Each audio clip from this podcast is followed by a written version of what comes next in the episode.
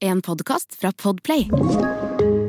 Med to karer på tur, så er mindre enn ti meter fra hverandre i 40 dager. Det er det er òg en opplevelse, altså. Så eh, Da må en lære seg å være raus og, og smidig, og det er en god ting. Så da ender det opp som blodsbrødre.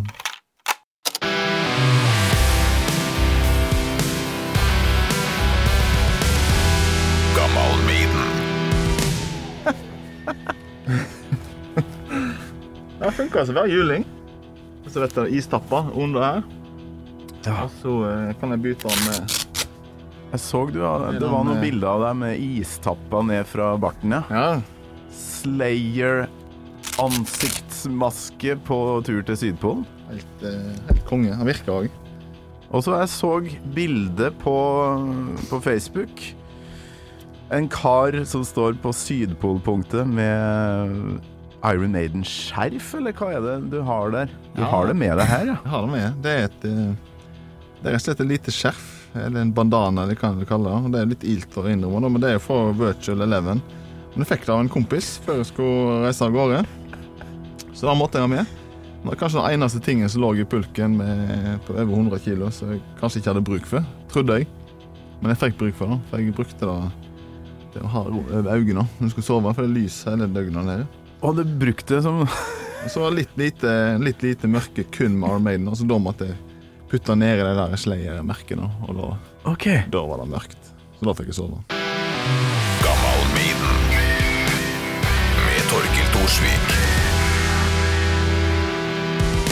Det var for å holde sollyset ut, ja. Rett og slett. Så Armaden hjelpte meg til å Det var midnattssol der nå. Det er midnattssol, ja. Ja. Mm. An Antarktis. Fy flate! Så utrolig bra.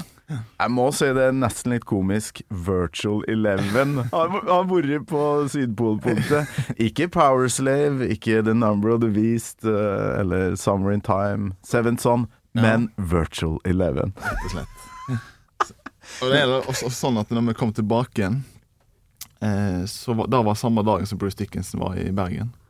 Mm. Så jeg tenkte og håpet at hvis jeg landa omtrent samtidig med hans privatfly eller et eller annet, og kommer inn på, inn på eh, flyplassen der Så jeg hadde den med i lomma, da. Og tenkte jeg, det hadde vært tidenes antiklimaks. Skulle vise det skjerfet. Jeg har vært på Sydpolen. Jeg hadde med Iron Maiden-skjerf, og så er det et skjerf fra en tid han ikke var med i bandet. Ja! Da kunne det vært litt flaut. ja, det er nesten litt synd. Jeg tror han hadde kommet til å hoppe i taket av å vite at uh, ja, Maiden-merkevaren har vært med dit. Nei, fy flate. Du, eh, vi må komme i gang. Du må ha på deg headset, for det blir kanskje noen lydsnutter etter hvert her. Ja. Bruker du hele navnet, eller er det mer sånn AK er fint. AK, ja? For det er egentlig Arne Kristian? Ja. Ja. Men det er bare kristendomslærerinna mi fra 1991 som kaller meg for det. Hun er død, så da kan du kalle meg for AK. Det går fint. AK. Også så nært mikken som mulig, så kjører vi på. Ja. AK Glykk Teigland, hjertelig velkommen til Gammal Maiden. Takk skal du ha. Hvordan har du det nå? Jeg har aldri hatt det bedre, tror jeg. Frisk og fin og full av natur og full av musikk. Ja.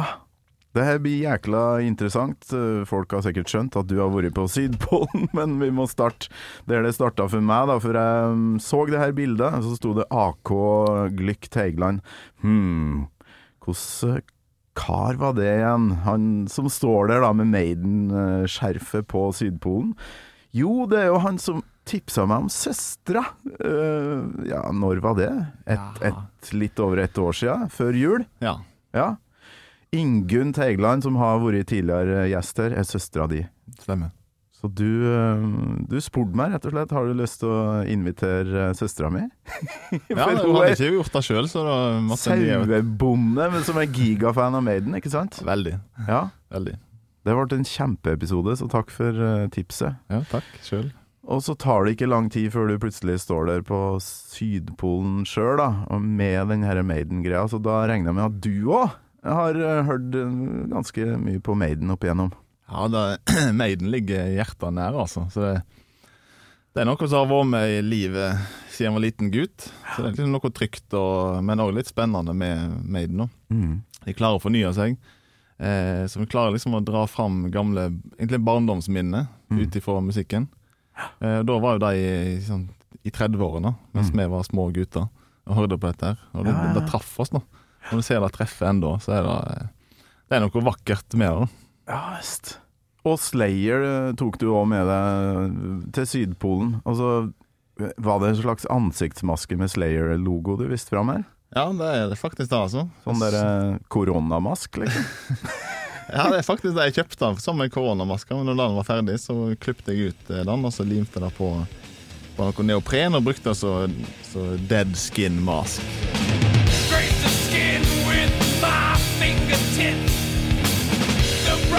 Det er, det er kult, altså. For den virker, da. Det du må liksom dekke til hele fjeset her for det er så sol og vind og kaldt. da. Så du, Hvis det jeg, funker, ja, hvis jeg skulle liksom opp på um, Mount Everest eller til Sydpolen, så tenker jeg at da, da kjøper jeg meg noe utstyr som er laga for det. Men du tar med deg Slayer ansiktsmask og bruker ja, mot vind, da. Ja, det det blåser litt. eh, ja, det blåser hele tida. Og Ja. det er alltid motvind, så å si iallfall. Så da går en med vinden i fjeset, så da må en, eh, da må en ha et godt skydd. Og da må en, det beste er å lage det sjøl.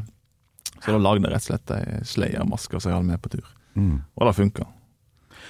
Oi, her er mye å ta tak i. Vi må snakke om uh, Maiden-interessen din. Vi må snakke om uh, du, hvor du kommer fra, hva du holder på med. Men jeg må nesten starte med den Sydpolferden, altså. Hvorfor i alle dager eh, hadde du lyst til å gå, gå dit på ski? Ja, det, det har jeg hatt lyst til siden jeg var liten gutt da òg. Mens okay. jeg drev og hørte på, på Maiden som en åtte-ni år gammel gutt nede i Hardanger, så hadde han drømmen vår der. Og så, så må en gjøre ting en husker. Og da eh, å gå til Sydpolen, da Det er ikke for hvem som helst. For det er, det er krevende, det er langt, det er kaldt, og det er masse styr med å komme seg dit. Og logistikk og utstyr, all verdens. Men nå var tida der. Og da tenkte jeg nå må jeg kline til. Så da eh, tok jeg med eh, min beste kompis, som jeg hadde lyst til å gå på tur i lag med.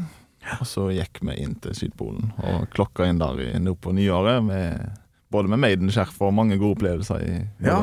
Torsdag 5. januar klokka 17.26, Noe sånt, ja. mener jeg det sto på et eller annet ja, Sydpolpunktet etter 40 dager på, eh, på isen. Ja. Hvorfor, hvorfor akkurat nå? Hvor gammel er du? Jeg er 41, må begynne å tenke meg hvor gammel jeg er, men det er 41, ja. 41 år. ja. Hvorfor akkurat nå? Liksom sånn Ja, nå blir det Antarktis her. Jeg har vel egentlig planlagt det mer eller mindre konkret i en del år, men det er litt finansiering. Det er jo verdens dyreste tur, dette her. da. Så det er jo ingen rasjonelle grunner for å gjøre det. Men eh, da driter jeg i. Jeg måtte gjøre det, og da gjorde jeg det. Men det, det passte, det sånn akkurat Mm. nå. Med jobb og litt sånt. da. Og du og en kompis i lag? Ja, en vossing. En som aldri, aldri syter og aldri klager. og aldri, Han holder kjeft og går på eh, sterk som en bjørn. og Helt perfekt kompis å gå med. Så vi, vi starta som eh, kompiser og endte som brødre. da Oi, oi, Blood. Brothers. Ja, så klart. Mm. Oi, oi, oi. Mm. Der har du tittelen på episoden din. eh. AK. Kult. Passer bra, da. Eh, Helt vilt. Jeg kan ikke se for meg hvor, hvor tungt det kan være. Jeg hater å gå på ski. Mest pga. smøring, men uh, dok, ja, hva smurte du med? Nei, vi smorde ikke. Vi har sånne skifeller som hadde felt inni skiene, Altså de henger fast under. Du, Ok. har det, du, glir ganske dårlig, for det er så kaldt. Mm. Det er mer som å gå på sand, altså. Eh, og så eh, Ja. Så, men du har feste nok til å dra den pulken som begynte på over 100 kilo. Da, den pulken. Så det, Ja. det er mer som å dra Dra et kjempestort akebrett på sand da, som er fylt til randen. Mm. Så det, det er tungt, men det, det er noe deilig å, å kjenne at en lever, og at en skal slite litt. Det er, å, å tømme kreftene helt, det har en egenverdi. Altså. Syns det er fascinerende. Ja, ja. Men jeg tenker jo Sydpolen øh, Nansen og eh, Nei, det er Amundsen, er ikke det? Amundsen. Amundsen og Scott. Der, jeg husker den TV-serien som gikk eh, da jeg var liten. Ja, ja. Fy flate. Ja, det var den jeg så, jeg òg. Ja. Og det, jeg kommer aldri til å glemme de der eh, bildene av blå føtter. De frøs jo hele, Scott, Ja. Scott og sine menn. da. Eh, og det var noen bilder av noen blåfrosne føtter. Ja, ja, Og da, var inntrykk, altså. Så det, Stemmer det. Så eh, allerede da så fikk jeg en fascinasjon for det der. Det er, så, det er jo så stort. Det er jo større enn USA, og så er det jo ikke folk der. Så du går på en måte i en dødssone. Så du må liksom eh, ja, Ah, ta alle forhåndsregler som en kan da, for, for å liksom få en god dag. Ja. Men hvor mye går man i løpet av en eh, dag? Vi begynte Hvor mye sover du liksom i forhold Ja. til gåing? Eh, det, vi sover ganske mye. Vi prøver iallfall. Og så prøver vi å gå så effektivt som mulig når vi først er ute. For det er jo vi sitter liksom ikke ned og, med beina i kross og snakker om følelser og, og drikker kaffe.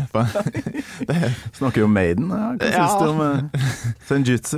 det kunne vi faktisk snakket om. Men eh, da snakker vi om i teltet, for i teltet er det varmt og deilig. Så, så det er om å gjøre å kline til på når du går på ski, og så er det å nyte friluftslivet i teltet når vi kommer fram. Da. Dere har bestandig lurt på Blir det varmt inni det teltet? Ja, ta nede så da, for det er sol hele døgnet, og det står på hele, hele natta. Ja. Så det blir som en, en, som en drivhus, altså. Så det, er ikke så mange som sier akkurat det, for det, det høres ikke så tøft ut å si at man reiser til Sydpolen og svetter om nettene, men det er faktisk tilfellet. Enkelte netter så, så er det for varmt. Jøss. Em, Ja, det, det, det er en myteknusing, så Det er underkommunisert. er Men uh, tror du det er det samme på Nordpolen? Altså man Nei, det, der er det omvendt. For der er det gråkaldt og, Ja. og, og fuktig. Så der har du all annen problematikk som gjør ting, livet ganske surt, egentlig. Så, så der nede er det, det kan være liksom 50 grader forskjell på utenom duken og innom duken. Å, det er såpass, ja. Ja, det, skal vi. det var sånn 25-30 kuldegrader nesten hele turen. Ja. Men inne i teltet, når det er varmt, riktignok, når det er overskyet, så er det jo like kaldt inni som ute. Mm. Så da, er det, da må en fyre, fyre primus og ha det litt bedre, da. Ja visst. Men sånn type eh, Lars Monsen og, og folk som, eh, som gjør sånne her ting, det er jo det er jo ikke måte på hvor mye TV-serier og YouTube-klipp og sånt som ligger der. Så jeg tenkte jo nå, nå skal jeg gå inn og, og lete opp et klipp da, fra AK sin tur til Sydpolen. For, bare for å få lagt på noe lyd, kanskje noe vind eller et eller annet. Men jeg fant ingenting. Nei. Nei, det ligger på telefonen ennå, så vi reiser rundt og viser litt bilder og sånt. Så Ja, ok, Så du har noe greier, da? ja, vi har en del greier, men det er altså Kanskje jeg kan legge, eh, hvis du sender meg et lite klipp, Ja. så kan jeg legge på litt lyd eh, helt til slutt. Ja, vi skal finne noe som er representativt for 40, 40 dager. For no noe vind, det har du sikkert. Ja. ja. Litt sånn som en del av introene til Maiden-låtene. Ja. Alexander the Great. ja. My son, ask for thyself another kingdom, for that which I leave is too small for thee. Jeg var jo på Bruce uh, her i Oslo, da. Eh, der han på sett og vis uh, avslørte, eller endelig fikk sagt til meg, at det er han som har den introen ja da på Alexander the Great. Jeg fatter det ikke fremdeles. Jeg hører det på daglig. Nei, det det kan ikke være Bruce. Nei, det høres eh, det er, Da er det en lydmann som har gjort en eh, god jobb, iallfall. Ja, det må være noe sånt. Men det skal ikke være tema nå. Vi kan eh, For du kommer jo fra samme plassen som søstera di, regner med. Øystese. Det er Snakker riktig. kvam. Ja. Hardanger. Ja. Hva driver du på med nå? Eh, akkurat nå så planlegger jeg en åpning av Fjellstova på Hardangervidda. Som, okay. som jeg driver i lag med kona mi nå på andre året. Som er, ligger langs med rv. 7. Fagerheim heter det. Og det er en fagerheim. Jeg bor der halve året på 1200 meter og tar imot gjester og står i oppvasken og rer senger og, og, Ah. og um, jeg snakker ikke så mye om Maiden med gjestene, men hvis jeg har en mulighet, så, så fletter det inn på en eller annen, et eller annet nivå. Altså. Ja, jækla bra. For det, du, du har jo et annet lite sånn anlegg i, i spisestua. Du må jo spille noe sånn Ja. rolig Rolig Maiden. Litt rolig Maiden, ja. Wasting Love nå fra Fear of the Dark. ja, Altså Før vi åpner, så pleier vi å ha eh, sånn fem-seks minutter. For disse 22 år gamle jentene som jobber der, eh, de hører bare på drit, sant? så vi må jo liksom lære dem opp litt. Ja. Så da er det en ti minutter med opplæring før vi åpner dørene. Da er, da er det Maiden og Slayer og Rammstein og alt som er bra. da. Ja. Det er en del av, en del av arbeidsinstruksen der oppe er at de må høre på ti minutter med hardrock før vi åpner dørene hver dag. Yes, yes, yes. Sånn skal det være. Men du, den der, vi må tilbake til Sydpolen. Der er det mer vi må prate om. Men jeg liker å komme litt inn på eh, faste spørsmålet mitt eh, litt sånn tidlig. Um, AK Glykk Teigland, er det, er det kona di sitt navn? Ja. Glykk? Eh, Er det fra Det er faktisk, kontinentet? Ja, det er fra Ungarn, faktisk. Fra Ungarn, ja. Back in the days. Wow. Mm. AK Glück Teigland, eh, husker du første gangen du hørte eh, Iron Maiden? Eh, nei, jeg er ikke akkurat første gangen, men jeg husker epoken og liksom, æraen i livet akkurat da. Ja. Det er jo Hardanger, dette, og det er, mm, eh, det er sånn bedehusland. Ok, Eh, sant? Og, og alle gikk på alt. Alle gikk i speideren, alle gikk på fotball, og da gikk alle òg på noe som heter Yngstes. Eh, som er en sånn eh, som forkledd eh, misjonsgreie da, i kjelleren på bedehuset. Alle var der, og eh, ingen som skjønte at vi var, egentlig ble påtvunget litt sånn eh, bedehusopplegg. da. Men vi var nå der. Og så satt vi i en sofa. Dette er da jeg regna meg fram til må være høsten 1989. Da var jeg åtte år gammel. Og da var det en, det var en som banna. Det er jo synd og skam, selvfølgelig. Ja. Så trodde hun ene som jobba der, eller hun som hadde dette opplegget, at det var meg. Så hun tok meg i nakken og heiv meg ut. Og dette var da i oktober, eller tid det var. Ok. Um, og bodde på en gard langt oppe i Gokk, så måtte gå hjem. Grein selvfølgelig, og, og alt av ballet og, og, og gikk nå hjemover, da. Fem-seks kilometer i mørket der. Kjem hjem, og da eh, mor mi syntes jo synd i meg, da, så hun laga arme riddere. Og setter på radioen, og ti skudd der, og den dagen vinner Alice Cooper med, med Poison. Det er et sterkt minne. Jeg husker det som det var i går. Rått.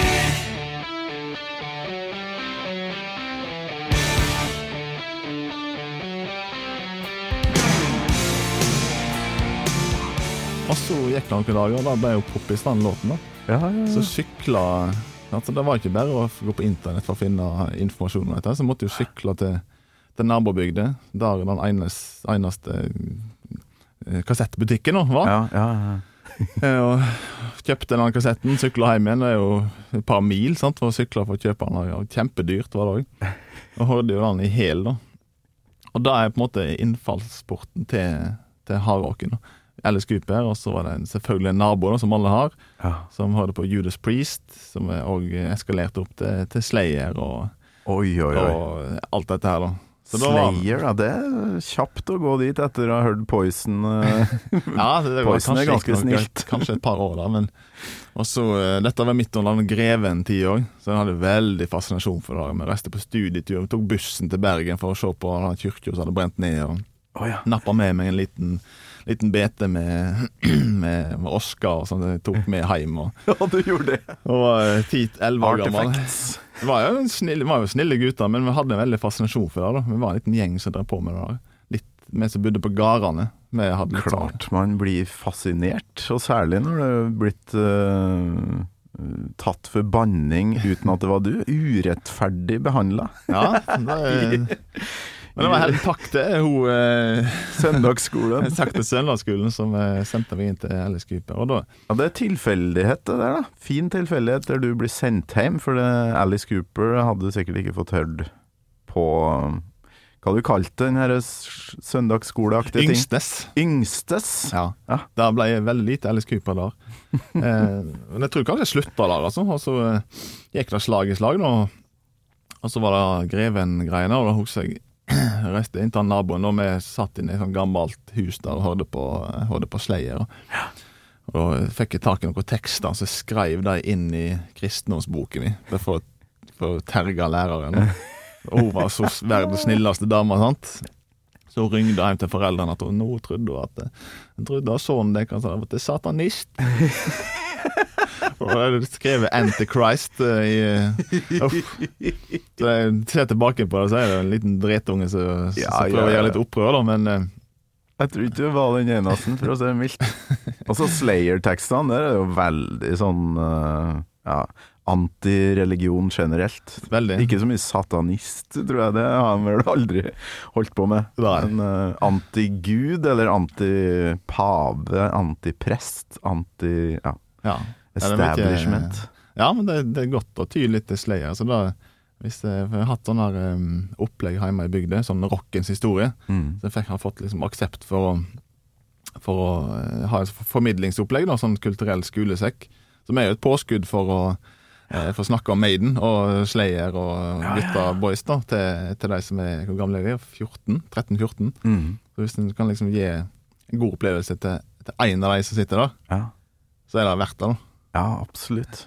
Så da har jeg, fått et påskudd for å sånn, spille Angel of Death midt i skoletid. Da er, da er kjekt.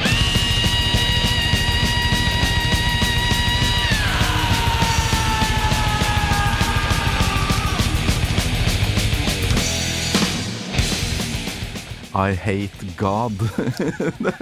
God hates us all. Ja, det, det eh, stemmer det. stemmer I Hate God er er noe helt annet. Men jeg husker sjøl at jeg, jeg tok med meg liksom Bibelen med bokmerke i den her Johannes eh, åpenbaring-verset, da, med The Number of the Beast. Mm. For da da hadde jeg liksom peiling, da. Gikk til presten eh, i konfirmasjonsundervisninga og liksom viste fram Ja, kan du forklare meg hva det her betyr? Og liksom uh, Fikk jo ikke noe godt svar, da, men uh, jeg tror han syntes det var litt kult at jeg var Ja. interessert, da. Mm.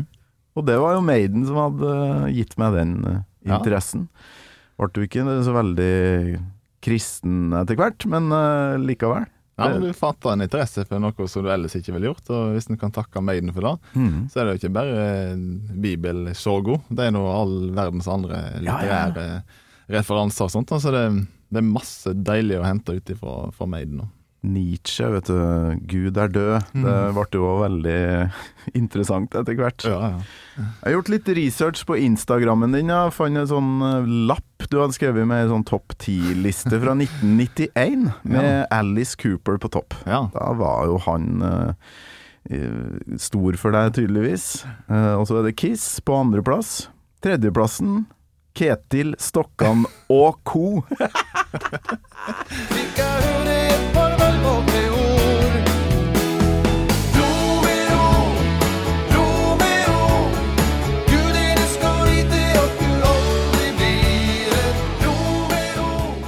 Var det 91 han hadde Romeo? Nei, det var vel 80-tallet. Det må være Nei. Brandenburger Tor var det sikkert. Ja, da var det sikkert. Her står vi på Brandenburger Tor.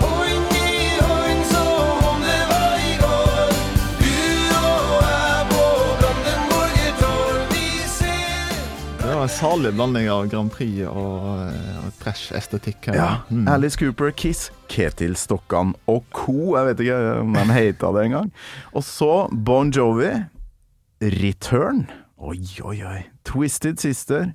Guns N' Roses ned på en eh, sjuende eller noe sånt. Der. yes, TNT og Wasp, og så tror jeg tiendeplassen hadde falt ut av bildet der. Så den eh, Ja, Hvor er Maiden? Det er jo det store spørsmålet. Hvor er ja, Ja. 91, ja. For du skrev på den Insta-posten 'finn én feil', og da fant jeg den med en gang. Maiden var ikke med på lista di. Ja, og Kjetil Stokkan er jo litt sånn Og kanskje Stokkan, ja. Ja.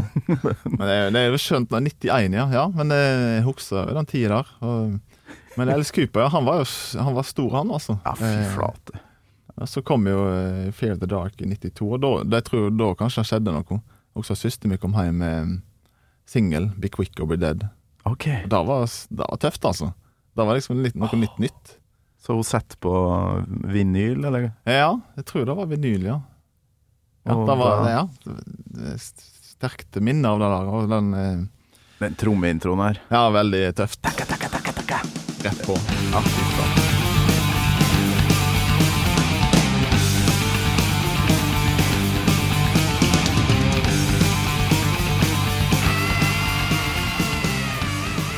Ja, den hadde jeg sjøl.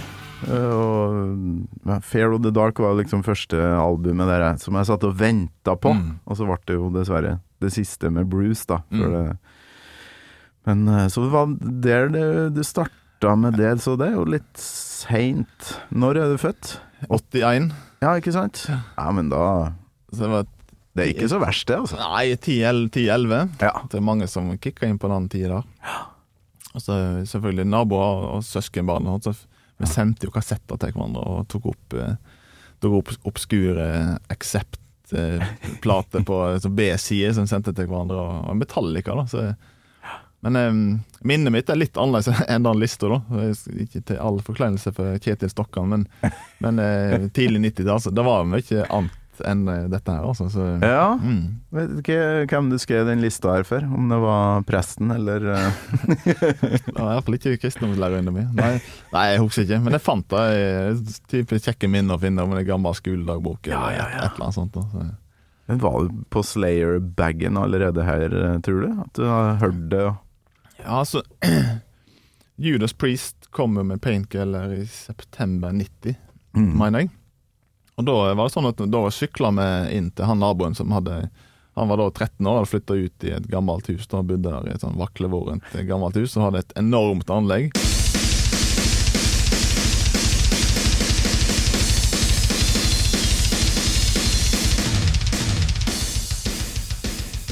Hørte det kjempehøyt, og da, var var en enorm fascinasjon for Judas Priest. Og så da er sånn eh, Altså, jeg krangla litt inni meg om hvem, hvem jeg liker best av Priest og Maiden. da. Det er jo en egen podkast som snakker om det der. Ja, ja, ja. Stemmer det. Men det var kanskje Priest det liksom Vanskelig å sammenligne, syns jeg. Ja. Egentlig. Men eh, det er liksom hva som ligger hjertet nærmest, da. Og da eh, Priest var liksom først. Ja, Litt før Maiden, og da, tror jeg jeg har litt å si. Ja. absolutt. Først ut, ja. Ja, først ut til, til, til meg, da. Og eh, ja. Så det, Judas Priest òg ligger hjertet nær. Grinende ser jeg deg dem på konsert. Så de noe i Stavanger. Ja, da var vi, sto vi kanskje ikke langt unna hverandre. Nei, det var jo nokså intimt lokale. Så Var det er en stor opplevelse. Det var svært. Han sang jo farske meg helt perfekt. Ja, jeg har vel en god lydmann også som skrur det til ganske sånn Ja, at det høres bra ja, ja. ut, men eh, for all del. 70 år, da. Sitter han, eh, Herre Metal God. Det er jo ikke noe Han er guden. Han er guden. Og så har han sjølironi, har jeg sett på sosiale Ja, medier. er ikke katter og greier.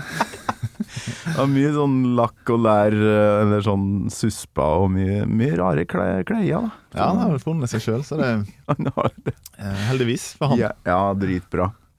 Men eh, jeg spurte om låt. Alle må jo velge låt. Mm. Det var jo ikke noe Fair of the Dark. Eh, det var ikke noe No Prayer heller. Nei, og det var egentlig Seven Songs som var kanskje plata jeg likte, har likt best, egentlig. Har hørt mest på. Ja, Og, så klart du som er fascinert av sånn eh, Ja. isfjell og Ja. den slags.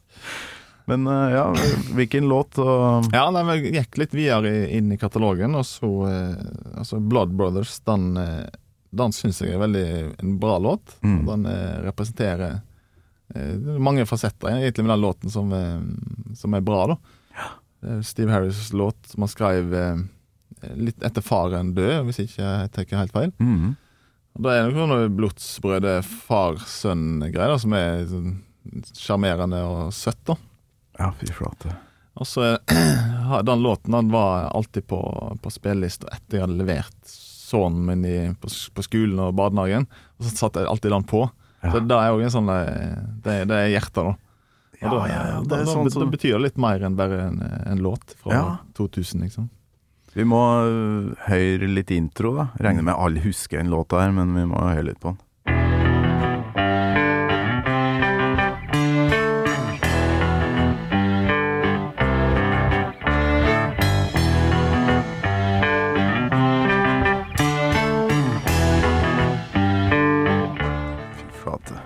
Her er det valsetakt. Ja. du gifte meg en gang til, så hadde det vært brudevalsen. Ja visst, hadde funka det. Hadde funka, da. Ja, det er, en, det er en veldig fin låt, og han er jo banger live òg. Funka jo så kula. Ja. At da drar de vel inn eh, eh, Ronny James Dio, som de dedikerte han til, husker når jeg så de Maiden i Bergen. Ja. Kanskje på den turneen de gjorde det vel da, i 2011, kanskje? 10-11? Ti, 10, Da ja. var det- Final Frontier. da var det Dio. Jeg har faktisk ja. For jeg fant det øyeblikket fra da jeg så dem på den turneen. Ja. Stockholm øh, Det var faktisk bursdagen til Bruce. Ja. 7. august 2010. Og det, det Noen hadde filma det, da. Ja. Og de hadde stått kanskje to meter fra meg òg. Så når jeg så YouTube-filmen, så Der sto jo jeg! Det var akkurat der jeg sto! Ja. Jeg var ikke med på filmen, da. Men uh, her er jo da Bruce fra Stockholm eh, 2010 i et uh, helsikes regnvær, da. Men uh, Ronny James måtte med, ja. A great man passed away earlier on this year, somebody we all love. And uh, he was going to be on this tour with us, doing a lot of shows with Heaven and Hell. You know who I'm talking about. We'd like to dedicate the next song, it's called Blood Brothers, to the memory of the late, the great Ronnie James Dio.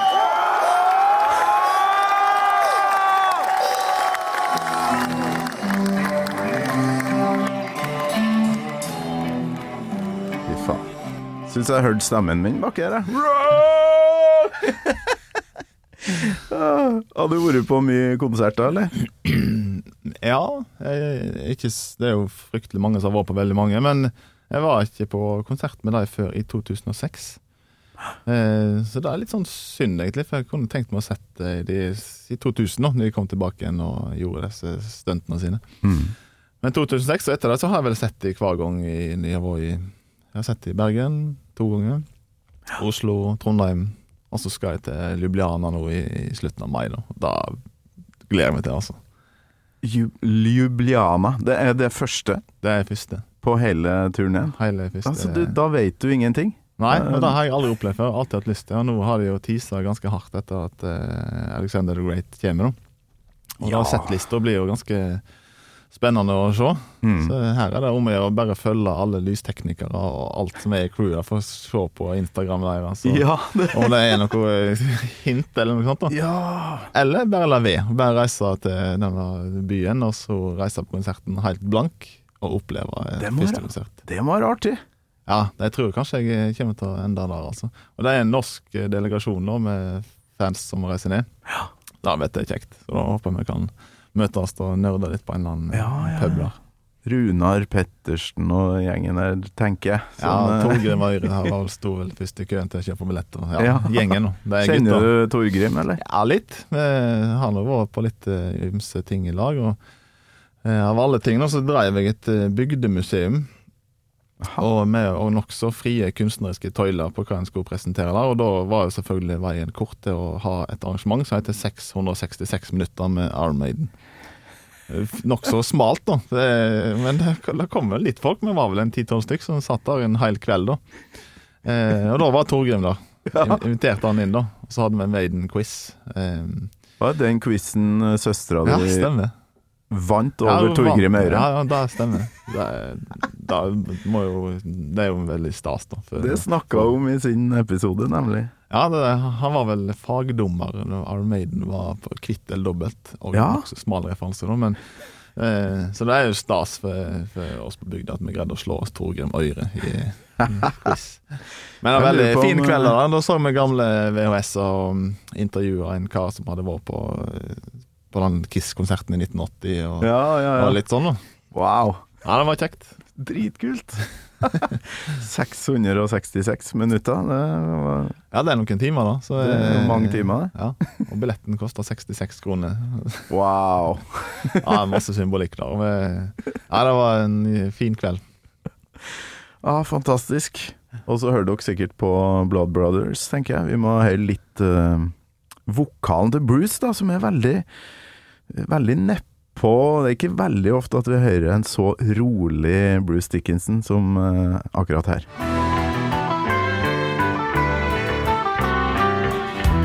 If you're taking a walk through the garden of life, what do you think you'd expect you would see?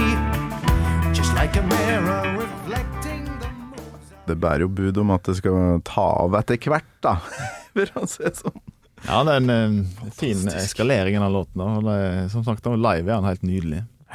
Det er også Vi hadde, mm, jeg hadde Jeg prøvde febrilsk da på å påføre min sønn og hans kompiser Det er jo Bergen, dette her. Eh, få de til å like Maiden. Så vi reiste til Malmö, og vi til, og så hadde vi en hel gjeng og fylt opp en sånn eh, folkevognbuss med kids. Da var de en ja, åtte-ti år gamle, kanskje. Så reiste vi til Oslo og bodde i telt, og så reiste vi på, på Maiden da, inn i Fornebu, eller inn i Telenor Arena. Og da spilte jeg den låten, og da måtte jeg eh, snu meg litt, for da måtte jeg grine litt. da. Åh, så klart. Children of the Damned satt på rekke og rad, sånn fem-seks uh, guttunger som på seg Maiden-T-skjorter og Wow. voks i håret og hørte på Maiden. Nei, nydelig minne. Fantastisk. Ja, man skal nesten Man må grine litt på Maiden-konsert. Ja, Kjem et øyeblikk. Ja, det, det har vært med i hele livet, sant. Ja. Eh, De har drevet på lenger enn jeg har levd. Og Det må en ha respekt for. Det, de, de bygger åndsvei. Jeg tror de mener det de driver med. Ja, Og de selger musikken med hjertet, og da kjøper folk det med hjertet i flere generasjoner. Det er unikt. Og det betyr noe altså, Man kan jo tro at nå Ja, nå leser jeg en ny bok, ser en ny film eller noe sånt, og så skriver jeg om det at eh, Steve Harris bare bare gjør som han uh, bruker å gjøre. Men den teksten her, den uh, Jeg trodde jo det var sånn Den TV-serien Blood Brothers, som var sånn krigs... Ja. Stemmer. Ser fantastisk bra. Uh, at det var sånn Ok, nå har Steve Harris sett den, og, men, men det var jo sikkert ikke laga engang på, på denne tida. Nei, dette er vel, vel 2000 da den kom, og Ja. den serien er vel noen år nyere. Ja. Så jeg bare Men jeg bare regna med det her er noe krigsgreier. Mm. Men så begynte jeg å lese teksten, og så er det bare Ja, det er faren, men det ligner òg veldig på No Prayer for the Dying-teksten. Uh, som jeg har vokst opp med. Det var jo liksom min første Maiden-kassett, på et vis. Mm. Og den låta er litt sånn derre hva, hva er meninga med livet-tekst? Som Mm. er ganske djup, da. Og det ligner litt på den. Ja, altså Men det er viktig å stille seg litt eh, eksistensielle spørsmål. Mm. Og til og med Maiden-gutta har sikkert dårlige dager, de òg. Da de våkner opp og eh, Ja, i dag er det trasig. Ja, Så de ja, må finne Så det reflekterer kanskje livet deres, det som, eh, det som de bygger åndsverk i, i låtmaterialet. Og det og, ja, det er mange som sier at det på de siste senere platene at det, sangene er for lange og sånt, men jeg tenker eh, Jeg kjenner, til en eh, musikkfestival, eh, en kammermusikkfestival, der kunstnerisk leder fikk frie tøyler innenfor kunstneriske rammer, og styret måtte bare, måtte bare støtte opp under det og betale. Ja. Sånn er det litt med Made nå, tror jeg. Ja. Steve Harris må få frie, frie, frie tøyler, og resten må bare følge etter. Og verden følger jo etter. Ja. De selger jo plater og selger stadionturneer. Så, så eh, ja, hvis han har lyst til å ha tre minutter intro på, eh, på, på låtene sine, så må han få lov til det. Da Da er det det som Ja. trengs for å sette den mooden på den låten. Jeg er helt enig. Jeg går ikke rundt og er muggen for at eh, låtene til Harris er lang. Det, det gjør jeg ikke, altså. Nei. Nei, det More is more. More is more. Så får vi håpe at de kommer med disse episke, litt lange låtene Parchment og Hell on Earth på nye turneer. Jeg tror, eller håper det, da. mm. Mm. Det blir ikke more, more enn eh, det refrenget her, da, som vi må høre nå.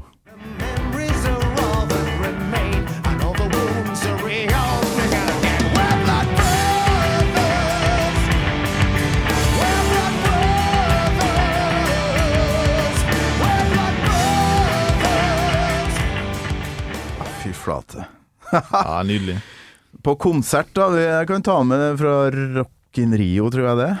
Funker jo ganske greit når en eh, når en eh, ber publikum om å være med litt her.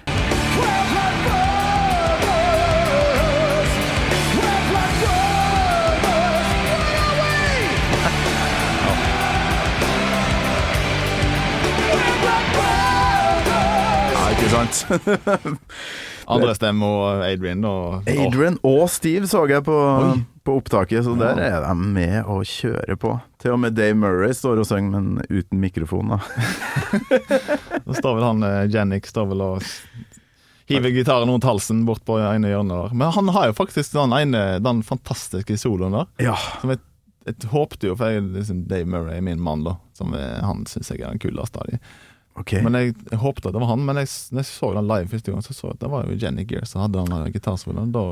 For det er to, det er én først. Det Ja. er sånn OK, det her er Dave, eh, det her er Dave Murray. Jeg lurer på om jeg har litt av den. Eh, Det er sånn ikke noe mye tvil om hvem som spiller det her, da, hvis man har begynt å tenke litt på det.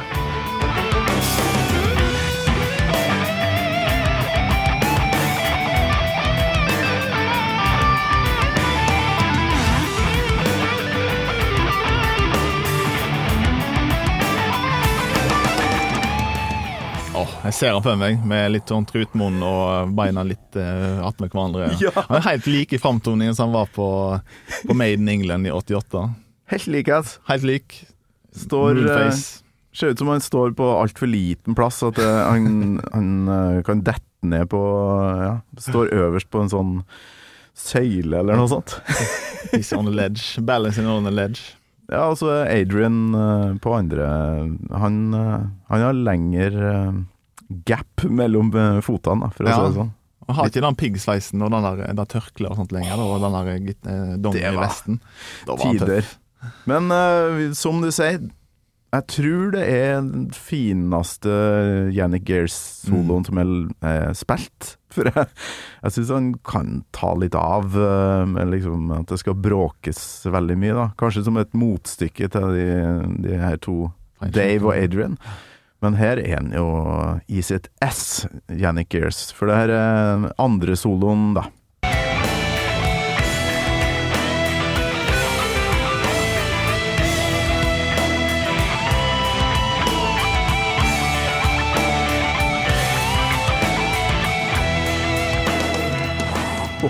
Åh, det er ståpels, altså. Det er Og det gåsehud der. Det, men det er altså litt sånn lange toner. En jo ikke akkurat kjent for å bruke for mye av, og det kjører en jo på med her. Ja, det Skikkelig deilig solo. rett og slett vakkert. Det kunne vært orkestrert i et, eh, et stort orkester, dette her, og det hadde, hadde vært et tidløst verk. Helt overbevist om. Er Fantastisk eh, låtvalg, AK. Det, det er sånn eh, Det er digg når noen eh, beveger seg litt utafor konseptet 80-90-talls Maiden her. Ja, det har er mange, mange hits, og det er mange låter som vi kunne ha valgt, men akkurat den, den er den ene av de få låtene jeg kan grine til. Da. Og da er rører en ved noe som er litt mer enn bare en, låt. Ja, Så, så det var, den, den, eh, den må være med. det var liksom det første som dukka opp da når jeg spurte, sånn at eh, ja, den griner jeg til, så den, eh, da velger jeg den. Ja, eh, så kommer han liksom Han kommer jo et eh, på en tid der de har vært vekke folk hverandre òg. Mm. Så litt sånn fri tolkning, da. Så kan en tenke at det er en låt som handler om at gutta i bandet har funnet tilbake en dag. Ja. At Bruce og Steve har liksom kommet tilbake igjen og kan gjøre gode konserter og skape gode opplevelser for en ny generasjon. Det var jo noe når de ikke var ifra hverandre. sant? Og så mm. Hvem visste da at de skulle ha et verdenshegemoni framfor seg når de er tilbake igjen? Og da er de jo ganske gamle etter hvert. Ja. At de klarer å fornye seg og, og liksom produsere nytt materiale som, som står seg, Mm. det er stort, syns jeg. nå. Det er jo et parti her eh, som, der teksten ligner litt da på No Prayer, syns jeg. Um, så jeg kan spille av eh, Blood Brothers først her.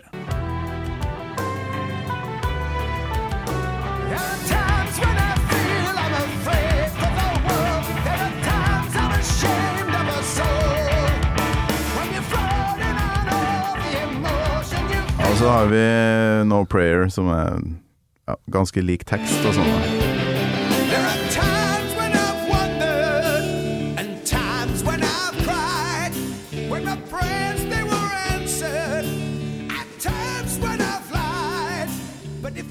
Er ganske lik tematikk, nemlig.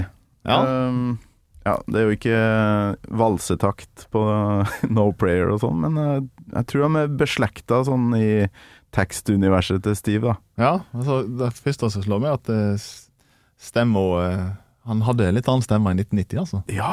Men det, s- det, det er jo unikt, altså. Han, eh, han klarer å, å få ei bedre stemme på når det går ti år. Det er helt unikt. Han er jo en eh, Ja. helt vill vokalist, altså. Det, er- ja. det er stort å se. Han er jo Ja, gammel, han jeg òg. digga jo den der raspestemmen hans i eh, rundt 1990 der, mens uh, i seinere tid så har jeg blitt mer glad i den kline Bruce. eh, Ja. Framtoninga. Ja, det er imponerende, men det var, det, var, det var kanskje et lite sånn vokalmessig opprør, da. For Ja. Du skal vel bryte litt med eh, Det var veldig stilsikkert eh, i Sevenson, da. Ja. Konseptet av borderline pretensiøst, kanskje, hvis en skal være litt stygg, da. Så, så, så det, det, det passte. 1990, da var jo grunge og det var jo Nirvana og gjengen det som, var som nye ting som holdt på. Og han hadde jo gitt ut Tattooed Millionaire og, og denne sologreia her, i lag med Janny Gears, blant annet, da. Og begynte å sunge litt mer sånn derre rasp. Så kanskje han eh, Ja, det var et lite opprør Ja.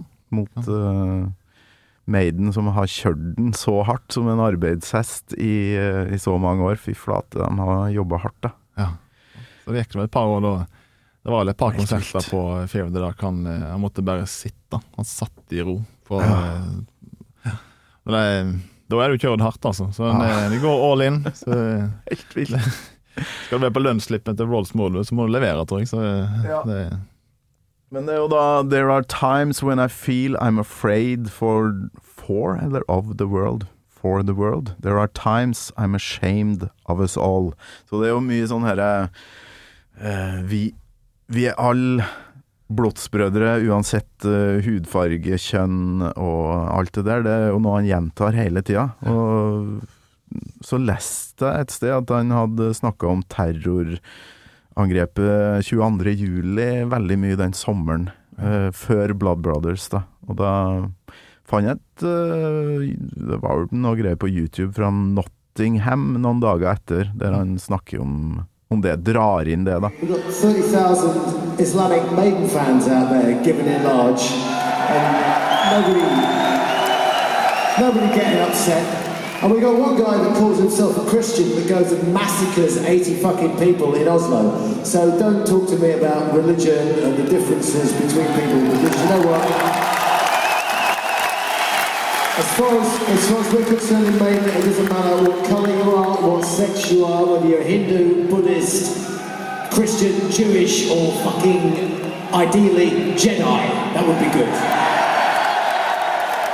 Så det Ja, er ikke som det handler litt litt sånn vidsyn, at en, eh, de ser nok at de har et eh, populærkulturelt ansvar òg. Og Mm. de har en scene og et publikum, så kan de liksom godt eh, mene noe skikkelig Ja. og formidle det. Og eh, hvis de mener at eh, som jeg tror de gjør, på ekte, at eh, alle er en del, del av en Maiden-familie, eller en, Ja. slags eh, noe, noe da, og så, så er det fint.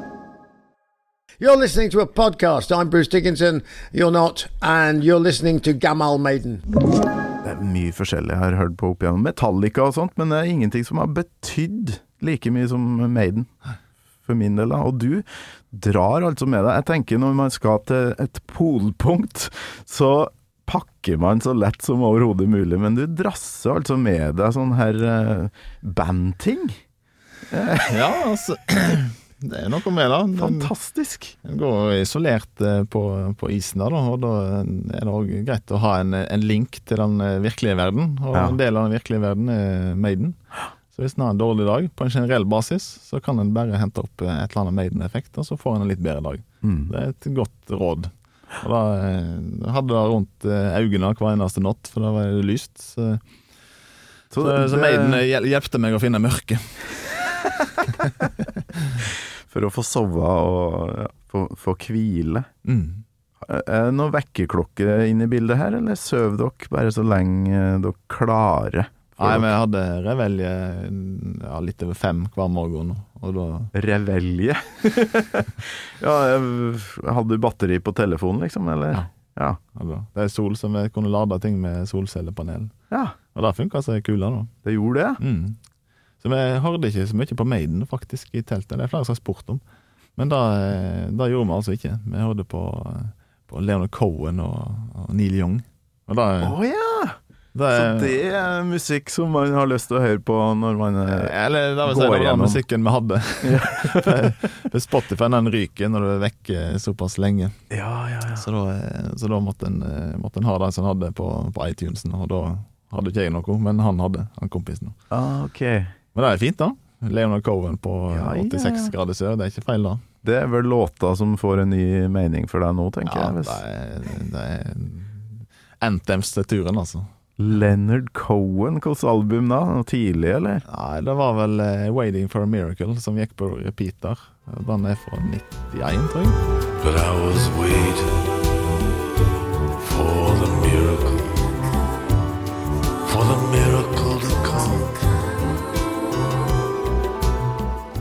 Men jeg kunne liksom godt hørt på Blood Brothers og, og eh, med andre Maiden-låter er Ja. hmm. Han, ja, han makkeren din uh, hører nå på ja, metal, han, tror du? Ja, ikke så mye, egentlig. Eller egentlig ikke. Han er mer sånn Cohen. Eh, ja. Neil Young iallfall. Litt eh, roligere og musikk. Så han har vært masse på tur i Canada og padla svære elver i Russland. Og da, eh, Ja. da har han alltid hatt eh, Neil Young med seg. Ja visst. Og det er fint. Hvordan er denne turen eh, for deg, sånn i forhold til ting du har gjort før? Har du, har du pusha det på samme avise før? Nei, ikke, egentlig ikke i nærheten. Jeg var på lange turer før, og altså, vi, vi har jo vært på speiderturer siden vi var små gutter og likt å fryse og gått eh, ut på Hardangervidda i kryss og krake i alle, alle år. Men, men å reise ned til Antarktis og kjenne på den snøen som er helt ulik all annen snø, Ja. eh, kjenne på, på den isolasjonen den er når den er flere hundre kilometer på folk, egentlig. Mm. Og eh, gode, gjøre gode dager og våkne hver dag og glede seg til å gå 10-12 timer på ski. Det er et eh, menneskelig privilegium som jeg aldri kommer til å glemme. Det er en stor Ja, opplevelse. det, det er jo òg godt å vite at du ser på det som et privilegium, for det her med å liksom, ja, prøve seg på Mount Everest og sånn, det er jo litt sånn Det finnes, eh, finnes andre ting å bruke energi på her i verden, ikke sant? Men eh, ja, det er jo et privilegium å utsette seg for det her. Enn hvis du har fått rennarev eller borti, Ja. borti sjuk. Hva har skjedd da? Har det kommet noen og, og redda deg? Det kunne det òg, men eh, den største sikkerhetsorganisasjonen er oss sjøl og det vi har med oss. Så vi hadde medisiner både for, både for det ene og det andre. Så, Ja, ja. Og masse alt, alt er på en måte sikkerhetsutstyr. da så, så Telt er sikkerhetsutstyr. Maten, at det er nok eh, energi i maten, er òg et sikkerhetsaspekt ved det. så, Mm. så det handler om, egentlig om å stole på seg sjøl. Du kan ikke stole på andre. Og sånn Sikkerhet på tur da er et personlig anliggende. Så du kan ikke, du kan, på en måte så kan du ikke stole på andre. Du må stole på deg sjøl. Ah. Ja, ja. det er òg en frigjørende følelse. At det, det er ikke andre enn deg sjøl du må stole på. Så Mm. Da må du være fiksa. da Var det noe sånn spesielt tema for akkurat denne turen? For de fleste har jo noe sånn eh, Vi skal gjøre det samme som den har gjort, eller uh, ruta, liksom. Hvordan var, hva Ja. var temaet? Vi hadde, vi hadde lyst til å ha litt historisk eh, fundamentering på det. Og Fridtjof Nansen han kom aldri til Sydpolen, men han planla det. Mm. Eh, han reiste til polområdene, eller altså, Polhavet, da, og prøvde å komme seg til Nordpolen, og, og greide ikke det. Og satt overvintra på ei lita bu oppe på Frans Josefs land, og satt der og tenkte at og Dette er på i 1895-1896. Tenkte at nå skal jeg eh, reise til Sydpolen. Det skjedde ikke. Livet tok han litt. sant? Og Han eh, reiste til England og ble en statsmann og skulle bygge Norge. Ja, ja, ja. Nokså gyldig fravær for å liksom, gi opp drømmen sin. og så gikk vi til familien hans og spurte om det var greit at vi kunne eh, lage et flagg med Nansen på, og så fullføre drev med og ta Nansen til, til Sydpolen. Og da var de positive til. Så da gjorde vi det. Kult. Vi hadde med to flagg. Var Fridtjof Nansen og Iron Maiden. De to store. I Iron Nansen. Fantastisk. Så det er, det er jo noe materiale da som eh, hvis Steve Harris eh, mot all formodning hører på dette her og fatter interesse for en polar, norsk polarlegende og kan krysse det inn med noe, eh, noe, noe britisk eh, greie, så, eh, så kan vi ta en prat. Ja.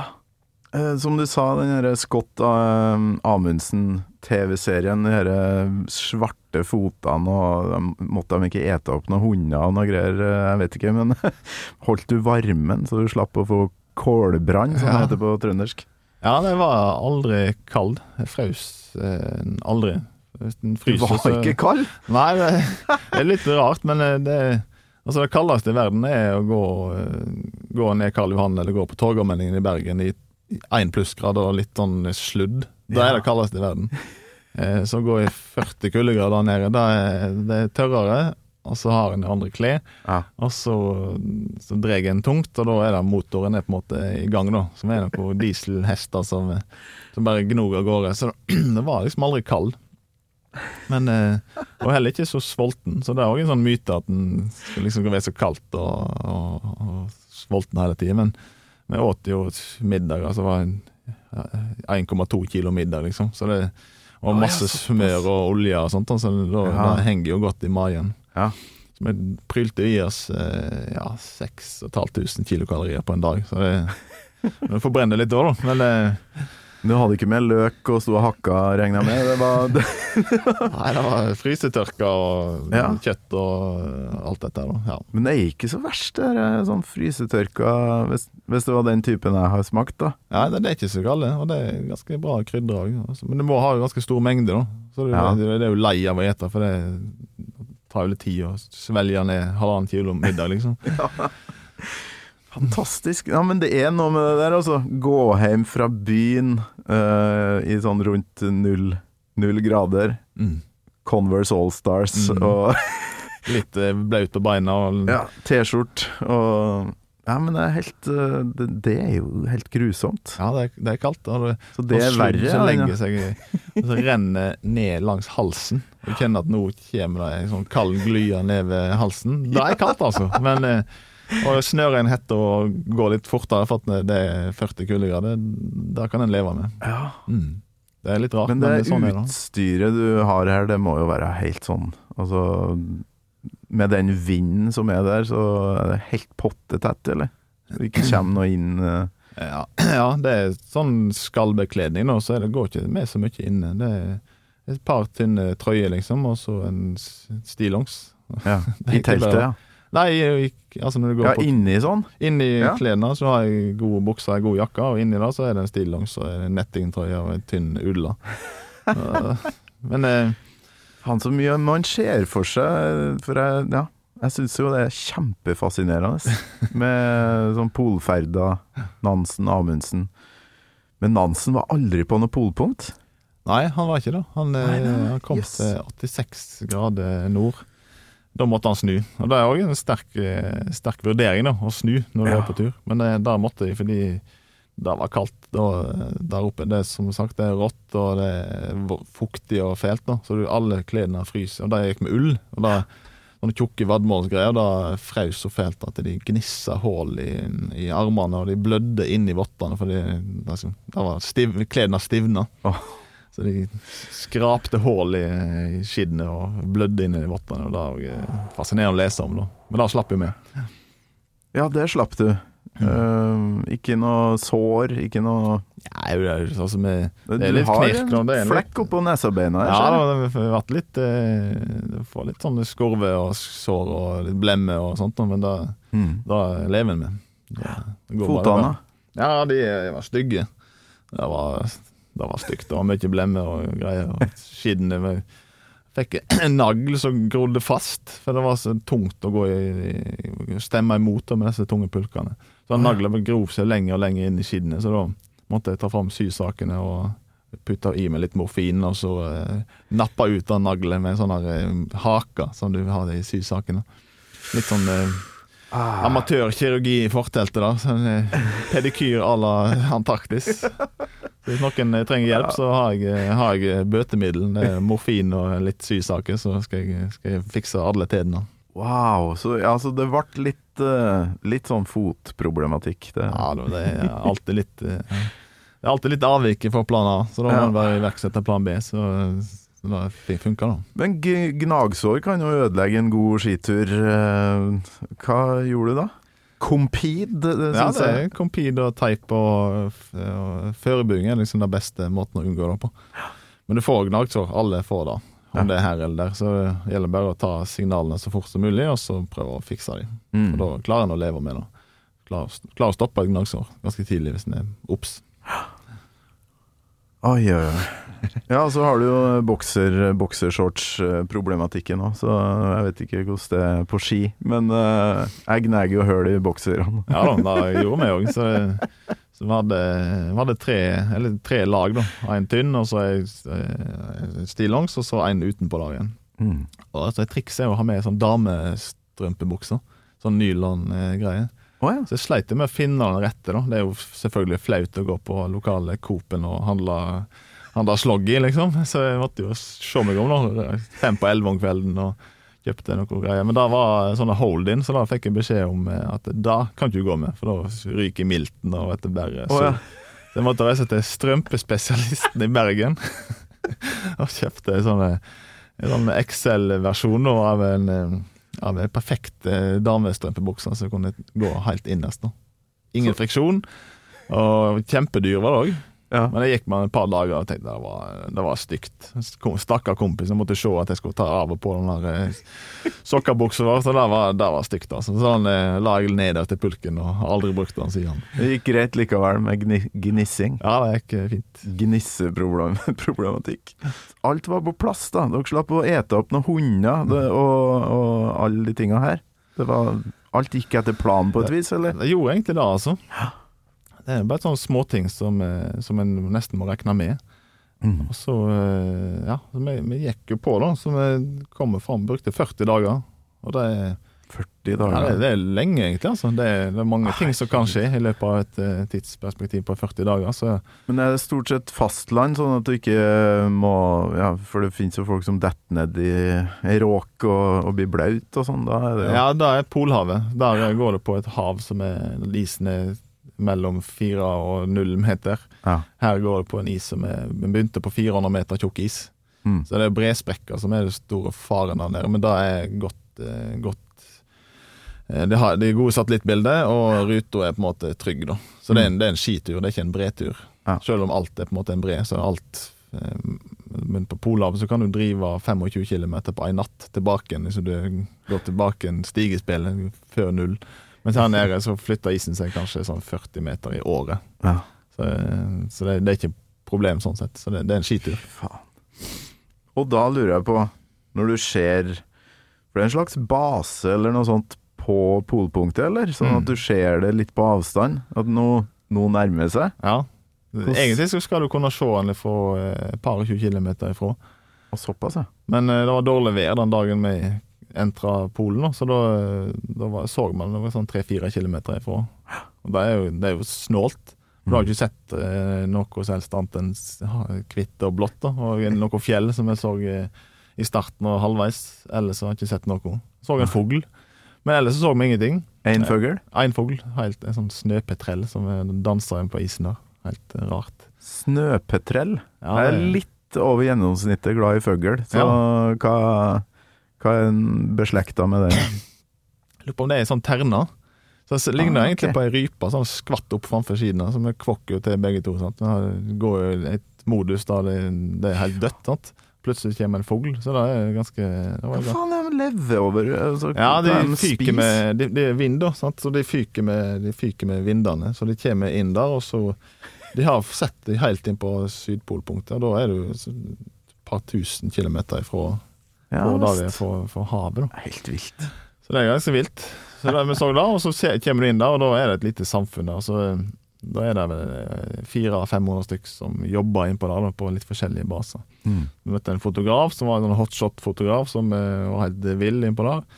Og disse ansatte, og en sjeik, og en eh, amerikansk eh, milliardær, viste det seg. Så, eh, Han var på Forbes-lista, og vi snakket om eh, Snakket om eh, driting i teltet og Ja. arbeidet med han da, før vi skjønte at han var en milliardær. Ja. Men da må han bare tåle. Og ja, Milliardær, en sjeik og og oss to. fotograf. Ja. Ja. Veldig rart. Men det, men det er en rar plass, dette her. Det, Ja, det er jo ikke Det er jo ikke Scotsman, liksom. Nei, det, det er jo en snål plass. Et konstruert samfunn som er Det er forskere, og, og så er det dette selskapet som er som vi samarbeider med, da. Som vi skal fly oss ut og sånt. Mm. Ja. Koster koste skjorta? Ja. Ja. Koster Slayer-skjorta di? ja men den er ikke til salgs. Den er priceless. Nei, det koster skjorta, men eh, folk kjøper noen biler til mange hundre tusen kroner. Og da detter jo verdi bare du triller den utenfor butikken. Så da, Mm. da det er et livsvalg. Ja. Så jeg må gjøre tingene også, og dette kommer jeg aldri til å glemme. Så det er verdt hver krone. Prioritering. Ja. Ja, og så gir det vel noe innsikt i både deg sjøl som menneske og, og verden rundt deg. Ja, og et, et, en sosial konstruksjon med to karer på tur, så er mindre enn ti meter fra hverandre i 40 dager. Det er det er òg en opplevelse, altså. Så eh, Da må en lære seg å være raus og, og smidig, og det er en god ting. Så da ender du opp som blodsbrødre. Du kan gjøre det. Du kan da ende opp som, eh, som fiender, men eh, vi hadde et felles mål og hadde et, et godt åndsverk som lå omkring dette turen. Så vi, vi gledde oss til hver eneste dag vi gikk på ski. Mm. For et cue til å høre den episke avslutninga, som er så episk at jeg må dele den opp i to. Blodsbrødre, altså, på, på tur i Antarktis.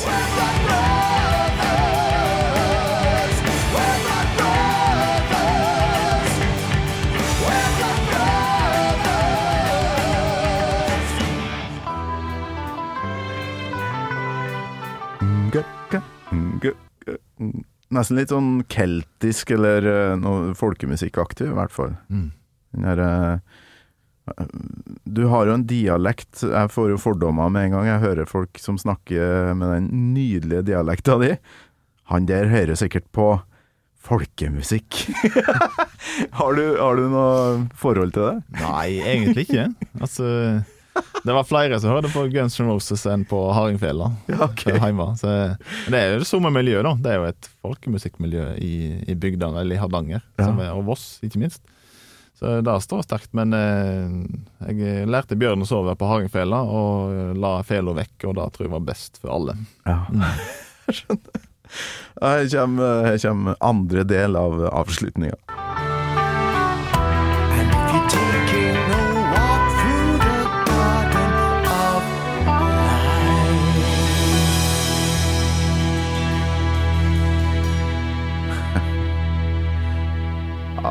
Episk låt.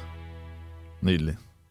Og jeg har òg sånn skikkelig godt minne fra konsertene, altså. Og særlig den i Stockholm i regnværet der. For da ble vi sånn blodsbrødre som sto i eh, Det bøtta ned! Vi var søkkblaute, og så ble det arm i arm og vugga fram og tilbake. For det er sånn vuggetakt. Fantastisk. Men det har vært helt nydelig. Kjempeartig å høre hvordan det er å være på Jeg tror ikke jeg har møtt noen før som har vært på et pol Altså gått til et polpunkt. Nei, Nei men det, det er ikke så mange heller som har gjort det. Så, så det, vi, er- vi er stolt av den turen. For det, ja. er stolt at vi har gjennomført den som, eh, som venner. Da. Og, og delte en opplevelse som få, kan relatere seg til. Så da har du noe ekstra å ta fram når en sitter på gamleheimen, hvis en kommer så langt. Men det blir litt sånn turné nå å snakke om det her, eller? Vise fram bilder og Ja, litt sånt? Ja, det er litt eh, Bergen, Oslo, Finse eh, litt, og litt forskjellige plasser. Så det er litt, folk har fatta interesse. Så det ble en Folk eh, greide å Vi har, har lyst til å dele opplevelsene. En delt glede er dobbelt glede. Så da, hvis, Mm. hvis en kan inspirere andre til å Kanskje ikke gå så langt, men kanskje finne eller annet, en eller annen drøm, da. Så, så skal vi endelig dele da. Ja, du må nesten eh, Hadde dere med noe kamera, så går an å få sett noe av det her? Ja, vi hadde vi tar litt filmsnutter både på, eh, på skituren og teltlivet. Så Ja. halve turen er jo nesten i telt, så ja. Ja, får få noen sekunder så folk får høre litt lyd fra syd, eh, fra Antarktis. Ja, jeg skal finne noe, eh, finne noe klipp, jeg. Ja, det må du. Mm. Og så må du tipse meg, eh, har du flere slektninger som hører på mailen? Ja. og flere søsken? Du, ja, vi har ei til. Hun òg er Maiden-fan, for så vidt. da. Ja, jeg skal, jeg skal, det er mange gode kandidater i Bygde-Norge ja. eh, som er ektefølte hardrock-fans. Eh, Absolutt. Jeg skal, jeg skal tipse deg. Du snakka om eh, ved kaffemaskinen her at eh, det prates litt om gammel Maiden borti der du kommer ifra, så det, det må jo bare spre seg, Så så må folk si fra. eh, For det er jo et problem. Folk er så blyge. Mm. Si fra at eh, her finnes det en eh, jækla kul Maiden-fan. Ja, jeg tror mange har historier som, eh, som, eh, som verden trenger å høre. Og det, dette Mm. her er en eh, fin, fin plattform, og du er flink til å få folk til å prate om, om ekte ting. Og det er nok eh, drit i verden, så takk for at du gidder. Du, det, det er meg en sann glede. Og så lurer jeg på noe, eh, AK. Du har vært på Sydpolen. Er det Nordpolen neste? Har du noen sånn målsetting om å gjøre flere sånne greier nå? For så vidt. Akkurat nå så er det den naturen som gjelder. Og så, eh, og så- men eh, neste tur er på ei lita hytte med en ovn og en brisk og f- flaske med fransk rødvin og litt eh, frekk ost i lag med kona mi. Er- det er neste, neste ekspedisjon, og det er en like viktig land. Det er neste polferd, ja. Neste polferd. Dad jokes. Men eh, Ljubljana, sier du. Skal du til Bergen nå, så vi sees kanskje der? Ja, Bergen og Krakow, tror jeg òg. For det var liksom lansert som en av de første, før Ljubljana kom.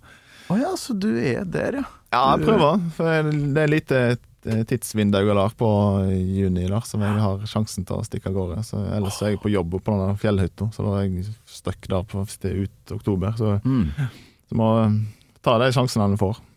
Plutselig, Ja, så, plutselig får de kreft i tunga eller et eller annet kødd en gang til. Sant? Så da, men eh, den der eh, Alexander the Great, eh, å få oppleve den for, på, i lag med andre blodsbrødre der nede, det blir stort, altså. Det blir så stort.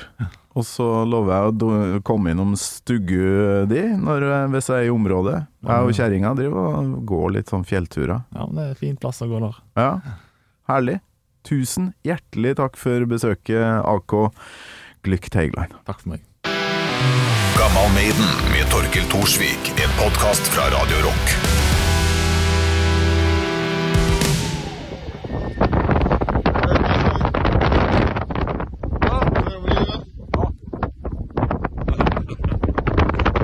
Kalde og kuling, da. Det er litt tungt å gå i motvind. Det er rett og slett en liten kamp. Det er oss ikke. Aldri. We shall never Du har hørt en podkast fra Podplay. En enklere måte å høre podkast på. Last ned appen Podplay, eller se podplay.no.